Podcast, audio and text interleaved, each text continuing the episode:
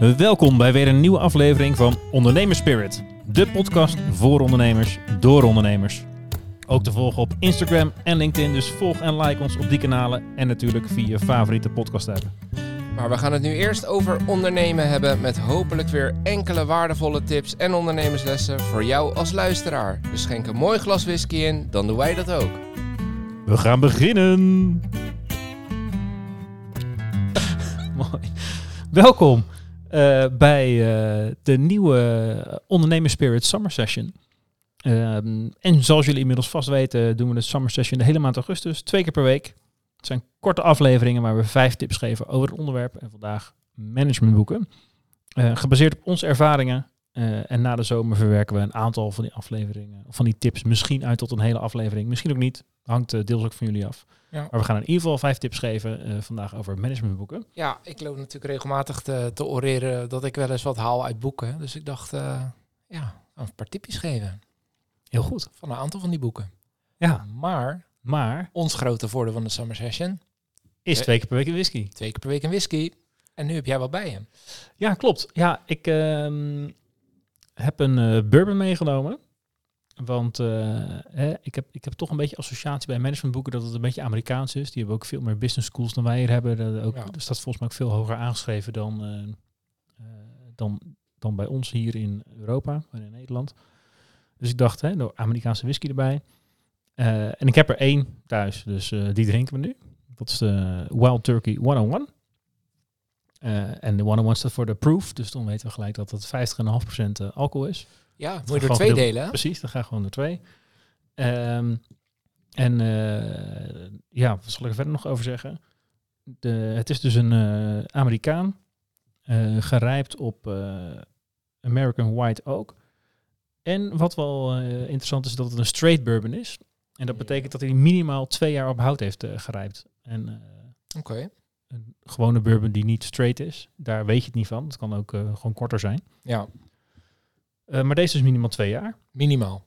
Ja, minimaal. Ja, het ja. kan dus ook langer. Dat het, weet je dan weer niet. Nee, dat weet je dan weer niet. Okay. Nee, maar je weet wel dat het dus minimaal, uh, ja, zoals bij Schotse whisky is het dan minimaal drie jaar, ja, dus minimaal twee jaar. Straight bourbon twee jaar. Oké. Okay. Um, maar dus wel opnieuw hout, dus er zal meer houtwerking zijn. Dus zoveel jaar is het ook niet nodig, um, zou ik dan zeggen. Um, en wat ik nog leuk om te zeggen, op de web website van Wild Turkey zie je dat ze twee master distillers hebben. En eentje die wordt blijkbaar de Boeddha van Bourbon genoemd, namelijk Jimmy Russell. Ja. Dus ja, dat belooft wat toch? De Buddha of Bourbon. Die, uh, die, naam zie ik hier staan. Oh, serieus? Approved by Master Distiller, Jimmy Russell. Oh, nice. Ja, ja. nou ja. Kijk, ik denk, ik introduceer jouw whisky ja. even, joh. Nee, heel goed. Uh, dus ik zeg, laten we lekker gaan uh, proeven. Maar wat vond je leuk dan aan bourbon? dat hij de Boeddha wordt genoemd? Dat hij de Boeddha van Bourbon wordt genoemd, okay. ja. Hij zegt zelf gewoon, ik ben gewoon Jimmy uit Kentucky. Maar anderen noemen hem de Boeddha of Bourbon. Oké. Okay. Maar blijkbaar vond jij het niet leuk. Maar ja, nee, ik vind het leuk. Maar we gaan een goddelijk drankje drinken. Een goddelijk drankje, inderdaad. Uh, ja, in de fles lijkt hij redelijk donker, maar in het glas zou ik zeggen is die diep goud. Ik weet niet of je daarmee eens bent. Ja. ja. Nee, mijn bladzij was teruggeslagen. Ik denk, hè, heb ik al wat ingevuld? Dat klopt helemaal niet, maar dat was de vorige aflevering. Oh ja, dus, uh, ja schrijf lekker mee. Uh, ja, diep goud uh, zeker. Heel goed. Ja, en ik moet zeggen... Ja, in de fles is die wel anders. Ja. Oh, trouwens, mochten we ook luisteraars hebben die samen ook mee zitten te doen en te kiezen en te kijken vaak helpt het om hem echt tegen een witte achtergrond te houden. Dan krijgt hij echt zijn oorspronkelijke kleur, zeg maar. Ja, in tegenstelling tot zijn namakleur als je hem niet... Ja, maar als je hem gewoon in de lucht houdt, kan die heel anders zijn. Nee, klopt. Um, ja, ja, heel fris. Vanille, fruit. Ja, heel vanille, ja. ja. Wel zo'n typische bourbon uh, geur, vind ik. Ja. Zo'n hele sterke vanille, vrij zoet, een beetje karamel. En er wordt al geproefd aan de overkant. Dus mm -hmm. uh, daar, het eerste oordeel mag geveld worden. Hij is heel zacht voor 50%. Ja. Ja, lekker. Die vanille proef ik ook alweer als ik een... Ja, vanille die zit er, zit er dik in. Die zit er goed in, ja. Maar het zijn ook Amerikaanse eikenvaten. Ja. Vaak vanille. Nieuw hout, hè? Lekker man. Lekker. En dat ook uh, goed bij te zeggen is, hè, dit is ook... Uh, uh, Annette hield nooit zo van whisky. Nee. Maar deze drinkt ze ook ja? mee. Ja, die vindt ze lekker. Dat is een goede, goede stap naar de whisky. Ja, voor een whisky is die redelijk zoet natuurlijk, ja, maar die vanille tonen. Dus dat is wel, dat is, ja, ik zou zeggen, dat is een goede starter. Goeie instapwhisky. Ja. Oh, Maar wat is dan een goede starter voor managementboeken? Roy, heb je er eentje meegenomen? mijn allermooiste boek is het, eh, het liefdesverhaal van Romeo en Julia. Ja. nee, ja, wat heb je Ja, ervoor geleerd? eh? Nou, ehm, dat eh, liefde heel mooi is en zo. Nee, ik heb mijn allereerste boek. Sorry, ik, ik, ik, ik keek even. ik was even met andere dingen bezig. Ik had geen focus. Nou, nou, nee. oh, Tik nee. hem even. Nee, Ah, ik ging ervoor. Nee, ja, Focus aan uit. Dat is een, eh, een boek van, eh, van Mark Tichelaar. Dat is een Nederlandse schrijver. En ehm, ja, ik heb er best wel eens moeite mee met focussen. En dat komt omdat je, dacht ik, maar dat beschrijft hij dus in dat boek, dat je met heel veel dingen tegelijk bezig bent. En ehm, nou, hij beschrijft eigenlijk vier, ja, hij noemt het dan concentratielekken. Dus eigenlijk vier dingen die om jou heen kunnen gebeuren, waardoor jij je concentratie en dus je focus verliest. Ja. Ehm, ja, dan gaat hij verder op in. En de eerste is eigenlijk dat je te weinig prikkels hebt. Dat klinkt heel gek. Dat je daardoor je focus ja, maar dat snap ik heel goed eigenlijk. Hij snapt het alweer. Heb je het ook gelezen, het boek? Nee, niet. Maar Mijn ik, boek dit ja. jaar. nee, maar ik herken het heel erg. Oh, oké. Dat eh, in tijden als er weinig prikkels zijn of weinig nodig is, Ja. dan ben ik dus ook dat weinig wat moet gebeuren, heel erg aan het uitstellen en allemaal dingen door elkaar aan het doen. En Ja. terwijl als juist het druk is, dan is van oké, ik moet nu even dit doen, want zometeen Ja. onder de klant of zo, weet ik, zeg maar, als het drukker is, dan is het makkelijker eh Hij geeft dus, ja, precies. Maar hij geeft ook aan dat dan eigenlijk je hersencapaciteit niet volledig benut is. Dus jij kan meer aan dan dat je op dat moment aan het doen bent. En dat klinkt wat theoretisch, maar een heel mooi voorbeeld die denk ik iedereen gaat herkennen, is dat je een boek aan het lezen bent en aan het einde van de rit denkt, ja, wat heb ik nou gelezen? Nou, dat is dus eigenlijk wat hij daarmee bedoelt. Dus blijkbaar kunnen jouw hersens meer aan dan het tempo waarin jij leest.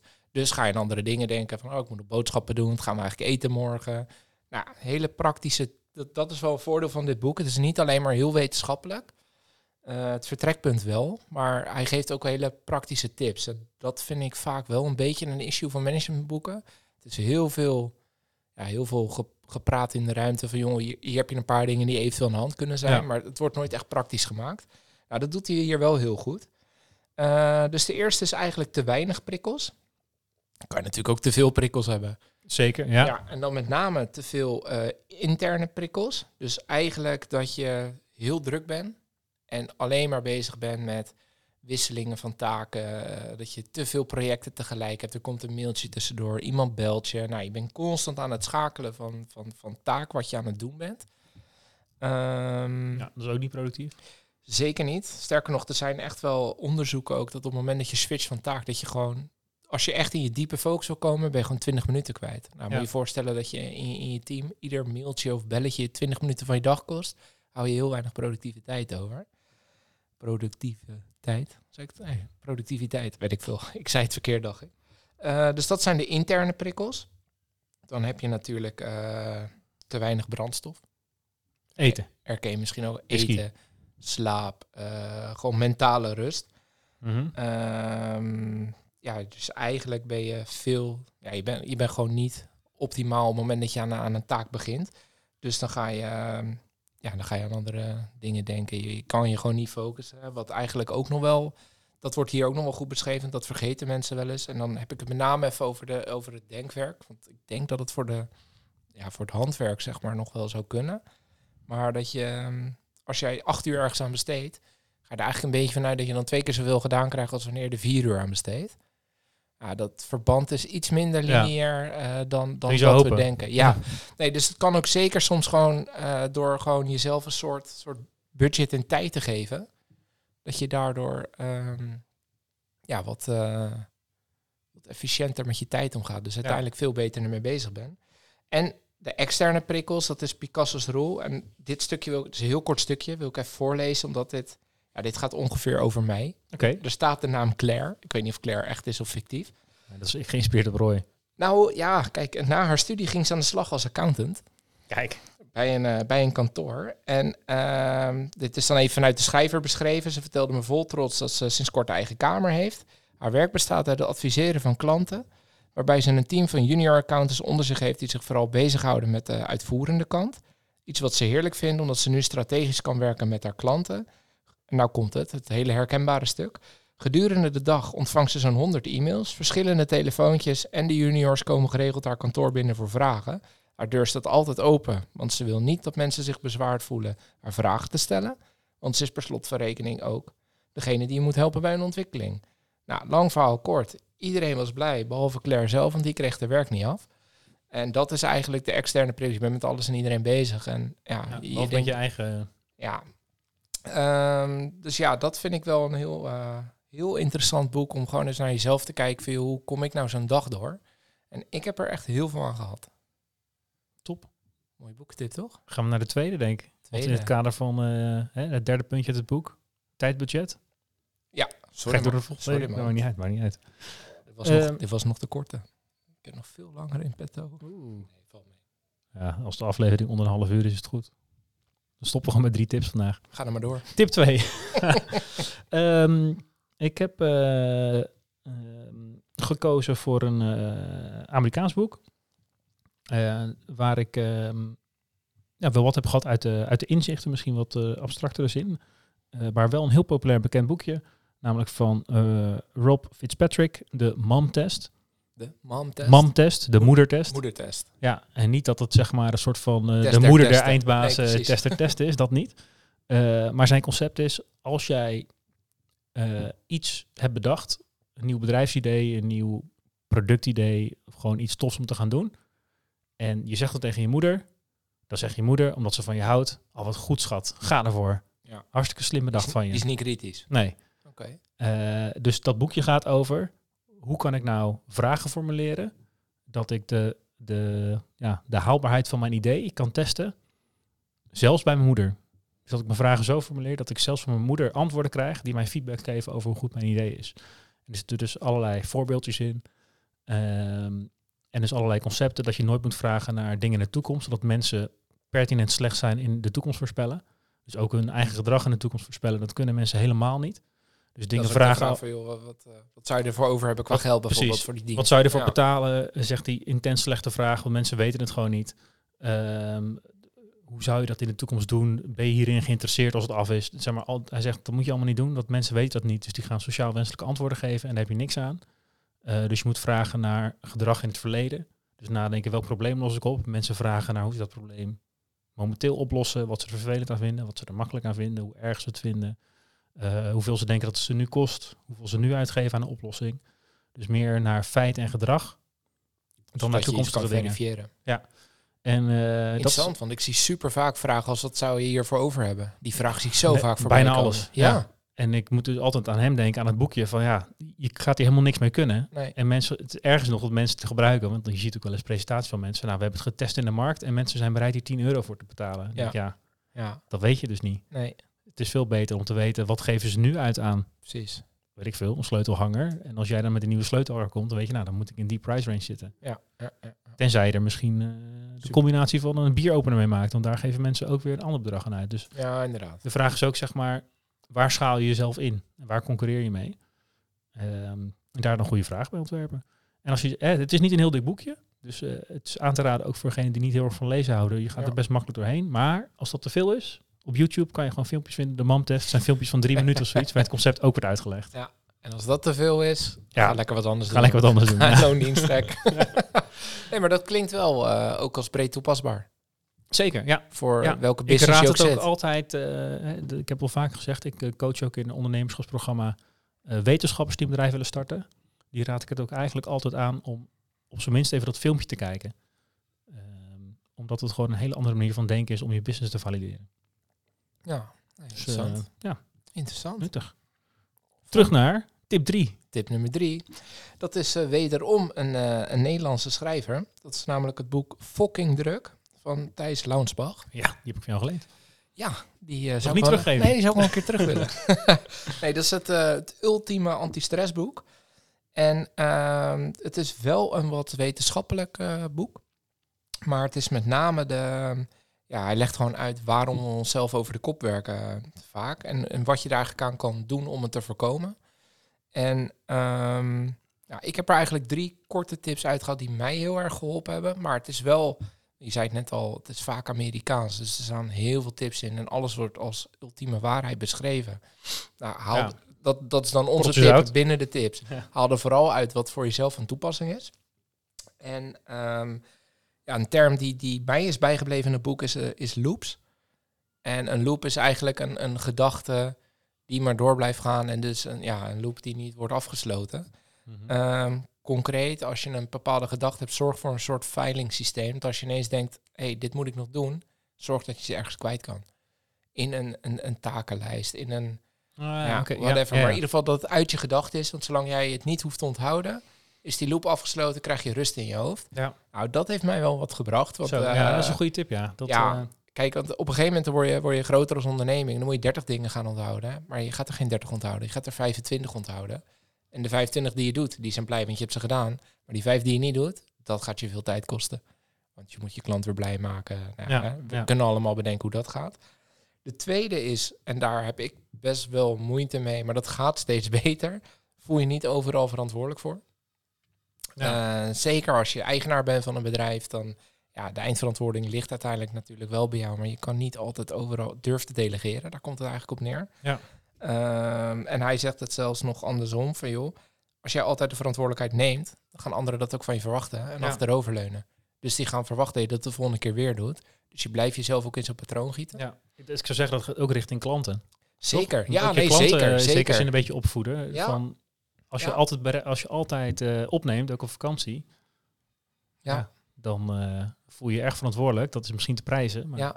Maar de ten volgende keer eh, denken ze, de vorige keer ging het ook goed op zaterdagavond. Ik ga gewoon weer bellen. Want Ja. de vorige keer ben ik ook goed geholpen. Ja. Dus ja, stel wel echt grenzen voor jezelf daarin. Ehm, en in combinatie met eh, die tijdsbesteding die jij net noemde eigenlijk ook. Hij gaf ook aan, maak een keer een tijdsbudget. Vond ik ook een hele Oh, dus interessante. zo- eh, eigenlijk dezelfde tip als uit Focus. Ja, maar echt een tijdsbudget als in, hoe zou jouw ideale dag eraan uitzien? En hij Ah, zegt ja. bijvoorbeeld ook veel, stel nou dat jij vindt dat je een uur per dag aan social media mag besteden. Of dan nou LinkedIn, Facebook, Instagram. En hou dat gewoon eens bij. En op het moment dat jij weet, ik heb een uur per dag, dan ga je er ook naar handelen. Parkinson's Law, gaan we denk ik ook een keer over hebben. Ken je die of niet? Wat?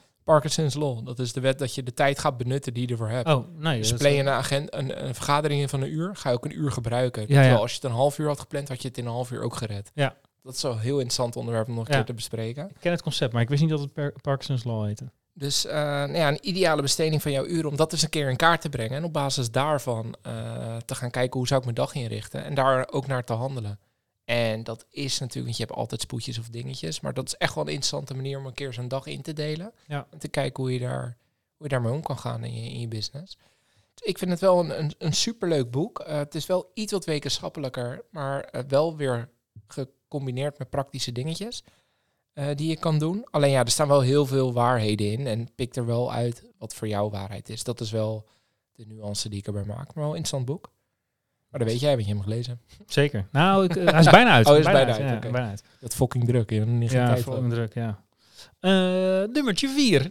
Ehm, nog een Amerikaan, hè, naast de Amerikaanse whisky. Ja, Ehm, en eh, deze heet Customer Centric Selling. Van Michael T. Bosworth, John R. Holland en Frank Visgatis. Visgatis? Nou, geen idee. Ehm, deze is mooi aangeraden door eh, een mentor eh, van ons. Toen we eigenlijk net gingen switchen tussen wat we toen deden, eigenlijk consultancy en trainingen verkopen. Dus meer uren verkopen naar eh softwareplatform bouwen en dat verkopen. En toen zei hij van, ga het boek eens lezen over hoe je erover moet praten. En ik dacht eerst van, ah, hè, dit weet ik wel. En ik wist het meest ook wel. Maar toch heb ik er wat interessante dingen uitgehaald. Dus daarom heb ik hem op de lijst gezet. En dat is vooral de, mm, wat zij de, de shifting buyer concerns noemen. Dus de, de, ja, de, de verschuivende dingen waar een koper zich mee bezighoudt. En ehm, zij zeggen, mensen maken zich ehm, eh, heel vaak in het verkoopproces druk om de verkeerde dingen als verkoper. Dus zij hebben een paar dingen, zeg maar de behoeftes van mensen, waar lopen ze tegenaan, de problemen, eh, de kosten daarvan, de oplossing en het risico. En hij zegt, eh, verkopers zijn heel vaak geneigd over, eh, over een oplossing te gaan praten in het begin. Maar in het, begon, in het begin zijn kopers vooral eh, bezig met hun eigen behoeftes, hun eigen problemen en de kosten die, het, die dat met zich meebrengt. En dus ook of een potentiële oplossing, hè, als een budget, laten we zeggen, 10.000 euro is, of dan een potentiële oplossing in die orde grootte zit en niet een miljoen is of een tientje. Of, ja, ja, ja, maar hij zegt, in het begin moet je dus echt focussen op wat ze dan noemen oplossingontwikkeling. Eh, dus vooral op de behoeften van de klant en de, de kosten die hij daarbij ja, maakt of eh, ervaart. Ehm, en als je dat een beetje scherp hebt gekregen, dan ga je naar fase 2 het evalueren. En dat is het moment om over jouw oplossing te praten. Want dan, hè, dan heb, je je de gevalideerd van ja. precies, je snapt wat ze zoeken, wat ze willen, waar ze tegenaan lopen. Dus dan moet je pas eh, jouw oplossing eigenlijk gaan pitchen. Dus wat Mhm. niet aan het begin, maar dus was, pas wat later. Ehm, en eh, dan gaat het risico ook omhoog eh, voor die koper. Want zij moeten op een gegeven moment intern gaan verkopen dat ze met een nieuw iemand of een nieuw product of wat dan ook in dienst gaan. Dus dat gaat dan langzaam een beetje omhoog. Ehm, en eh, als dat geëvalueerd is van, nou, dit is goed, dan kom je pas in fase 3. En dan is het risico op zijn allerhoogst, want dan komt er, ja, afhankelijk van wat voor type klant je hebt, maar inkooporders of nou, allemaal risico's die daarbij eh, horen, betalingen, eh, betaaltermijnen, eh, Ja, juridische risico's, dat soort dingen. En prijs. eigenlijk al voor je gekozen? Precies, hebben ze eigenlijk, maar, en maar zij zeggen dus ook, prijs is dan na risico, staat dan bovenaan. En de behoeften zijn dan niet zo belangrijk meer. En de oplossing ook niet. Want daar hebben ze al een soort van mentale buy-in Ja, van ja, gedaan. Ja, ja, ja, ja, ja. Dus dat is wel interessant, omdat ik merkte Too dat big ik... to walk away, toch? Zoiets. Ja, Dat je al helemaal Ja, bent. precies, ja. Maar veel van deze dingen wist ik ergens wel. Of, maar de, eh, ik merkte toen ik er kritisch naar ging kijken, naar dat eh, grafiekje, dacht ik, oh ja, maar ik gooi stiekem eigenlijk ook wel eens wat van die dingen door elkaar heen. En, eh, En als- als je dat heel bewust doet, merk je dan ook dat je proces makkelijker loopt? Daar ben ik dan wel benieuwd naar. Ehm, ja, wel makkelijker, omdat je dus beter kan sturen en beter kan begrijpen. Je zit veel meer op die klantbehoefte op dat moment van het traject. Precies. En het is dus ook grappig om te merken, omdat heel vaak mensen, of bij universiteiten in ieder geval, die vragen heel snel naar budgetten. Want ja, die Ja. hebben gewoon een bepaald bedrag wat ze mogen uitgeven eh, zonder toestemming van een ander. Ja. Eh, dus daar wordt vaak naar gevraagd. Mhm. Maar heel vaak kan je dat nog even uitstellen door te zeggen van nee, maar ik wil eerst goed de behoeften snappen. En dan kijken of onze oplossing er wel bij past, voordat we over prijzen gaan praten. En dan zeg ik meestal wel, je moet aan deze range denken. Ja. En dat is dan een vrij brede range, maar hè, dan weet ze in ieder geval daar ergens tussenin. Ja, ja, ja. En als dat al te veel is, dan, dan stoppen we natuurlijk. Maar als zeggen, nou, ergens in die range kan wel, dan... eh, dan ga je verder met ja, proces. maar dus niet over de prijs, maar over echte behoeften. Ja, precies. Ja. Ja. De prijs Dus is dat, eigenlijk eh, een, een, een uitkomst van het eerdere traject. Ja. Terwijl het vaak wordt gebruikt als je moet mij hebben, want mijn prijs is beter dan die ander. Of, Ja. En in een eh, hoogcompetitieve markt is dat natuurlijk vaak zo. Hè? Of je nou je, Ja, als je exact hetzelfde biedt wel. Precies, als, als je je wasmachine online koopt bij de een of de ander, ja, dan zal het vooral op prijs gaan. Ja. Misschien een beetje op eh, service, maar... Ja. Dus, Nee, precies. eh, vond ik een nuttig boek om in ieder geval, ja, hoe zou ik het zeggen? Om misschien ook termen te hebben bij iets wat je misschien onbewust ook al een beetje aanvoelt. Ja. ja, want dat het wat beeldender wordt ook. Ja. Oké. Nummertje vijf. Nummertje 5 was een mooi bruggetje, prijs. Ik heb namelijk, eh, ik zit wel in, enorm in die Nederlandse hoek. Weer een Nederlandse schrijver, Jos Burgers. Ik denk dat een hoop mensen hem kennen. Je hebt hem ook al vaker genoemd volgens mij. Ja, ik, eh, ik ben fan. Eh, zeker ook van dit boek. Dat boek heet Geef nooit korting. En een van de meest legendarische uitspraken van Jos Burgers zelf in een interview over het boek is dat hij aangeeft: dit boek is daardoor ook heel rendabel. Want iedereen weet dat ze niet hoeven te komen ko- voor korting. Dus een volle map kan ik hem verkopen. Nou, vind ik zelf wel een mooie, mooie wijze. Maar hij gaat eigenlijk. eh, het hoofd van het boek is hoe ga je om met prijsdruk. En eh, mentaal vinden mensen eh, zichzelf of de dienst die ze doen vaak te duur. Zeker als je start is dat natuurlijk een... Zeker als je start. Eh, wij hebben natuurlijk ook wel eens eh, gehad over, over jullie start bij, bij, bij Shift. Dat dat toch een beetje lastig was van ja, hoe ga je dat dan doen qua welke prijs, et cetera. Eh, dus je bent al heel erg geneigd om het voor jezelf te bagatelliseren. Van ja, maar en het kan ook goedkoper. Eh, nou, hij zegt ook dat moet je niet doen. Sta achter je prijzen. Zorg dat je, eh, dat je wel een eerlijke prijs neerlegt. En kijk ook wat de ander het waard vindt. Dus je moet niet denken, joh, 100 euro per uur voor wat ik doe. dat is een hoop geld. Nee, met je partij, effort, kennis en kunde ingestopt. Maar als je die ander er 1000 euro per maand mee kan besparen, ja, dan is die 100 euro voor jou is prima. Ja. Dus kijk ook vooral naar wat die ander het waard vindt. Maar sta wel achter je prijs. Hij zegt, want het ergste wat je kan doen is gelijk korting geven. Want daarmee zeg je indirect, ik wou je eigenlijk besodemieteren, maar het is eigenlijk niet gelukt. Ja. Dus het kan ook voor de eerlijke prijs. Ja. Dus ja, ik vind dat wel een hele mooie, mooie theorie. En ook zeker iets wat, wat in mijn branche ook echt wel veel voorkomt. Eh, prijzen worden dan echt continu... Ja, als mensen willen overstappen, ja, maar bij die betaal ik dat. Ja. Ja, aan het begin ging je er kijken, wat kunnen we doen? Nu zeggen we gewoon, joh, maar dan Ja, moet je, dan moet je ook lekker naar die ander gaan. Dit is, hè, je krijgt waar voor je geld, maar dit is wel wat je voor betaalt. En dan kan je het wel of niet doen.